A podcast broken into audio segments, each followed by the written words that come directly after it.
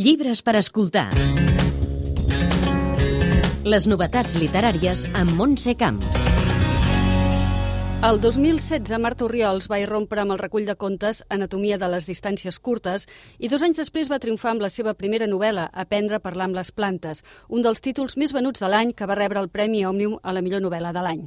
Ara, l'escriptora de Sabadell torna amb un llibre que, novament, té un títol que atrapa, Dolça introducció al caos. ¿Cómo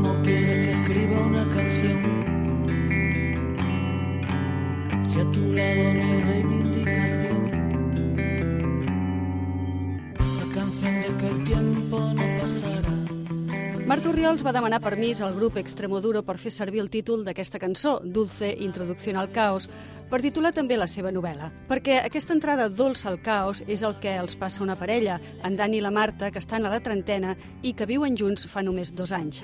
S'estimen i tot just comencen a fer camí cap a la maduresa, aquesta maduresa que la societat actual retarda, fins que passa una cosa inesperada.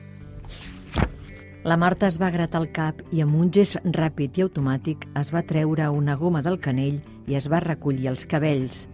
L'estrella diminuta i tatuada va lluir tímidament mentre se li enfosquia la mirada. Va inspirar sorollosament i va deixar anar l'aire convertit ja en sentència. Estic embarassada. No vull tirar endavant.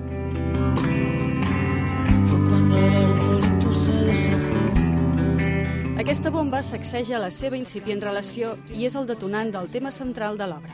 com les decisions que prenem, no, d'alguna manera, ens fan escollir, i en aquest escollir i directament hi ha una renúncia, no? I com aquesta renúncia, tot allò que deixem de ser, d'alguna manera ha de trobar un lloc dins nostre, no? Tots aquests desitjos que acabem no ofegant, però sí recol·locant, no? Eh, i que acaben formant part també de la nostra identitat. Potser te n'adones més al llarg dels anys, no? del que has fet o el que hauries volgut fer, o que ni n'eres con- conscient en aquell moment, però que t'han acabat dibuixant una identitat. Marta Oriols dona la visió de tots dos. Primer d'ell, una persona que encara busca la seva identitat, que arrossega un passat marcat per la mort del pare quan era nen i una mare autocompassiva.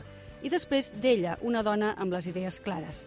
I ella, fotògrafa de professió, no vol ser mare i sap també que davant un avortament voluntari haurà de sentir-se sempre observada i jutjada. que el fet de no voler tenir fills no sempre ha d'anar lligat d'aquest egoisme que es parla a vegades, no? que una dona, per ser dona i per projectar-se com a tal, no ha de passar sí o sí per una maternitat, no?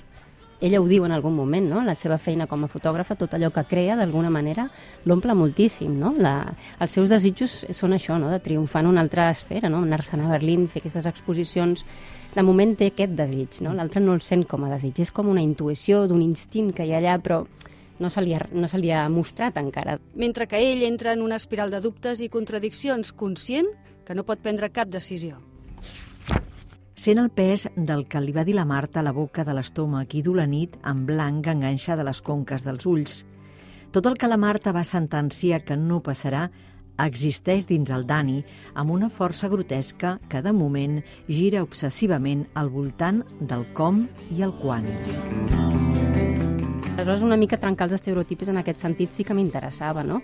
Però no per voler ser trencadora ni molt menys, sinó per reflectir una realitat molt, molt normal, no? Els homes també estan fets d'aquests dubtes i també són dèbils i vulnerables igual que les dones, no? I és veritat que les dones, almenys la majoria de dones que estan al meu entorn són dones que no tenen les coses molt clares, també molts dubtes, no? Però jo crec que l'igualtat passa per aquí, no? De...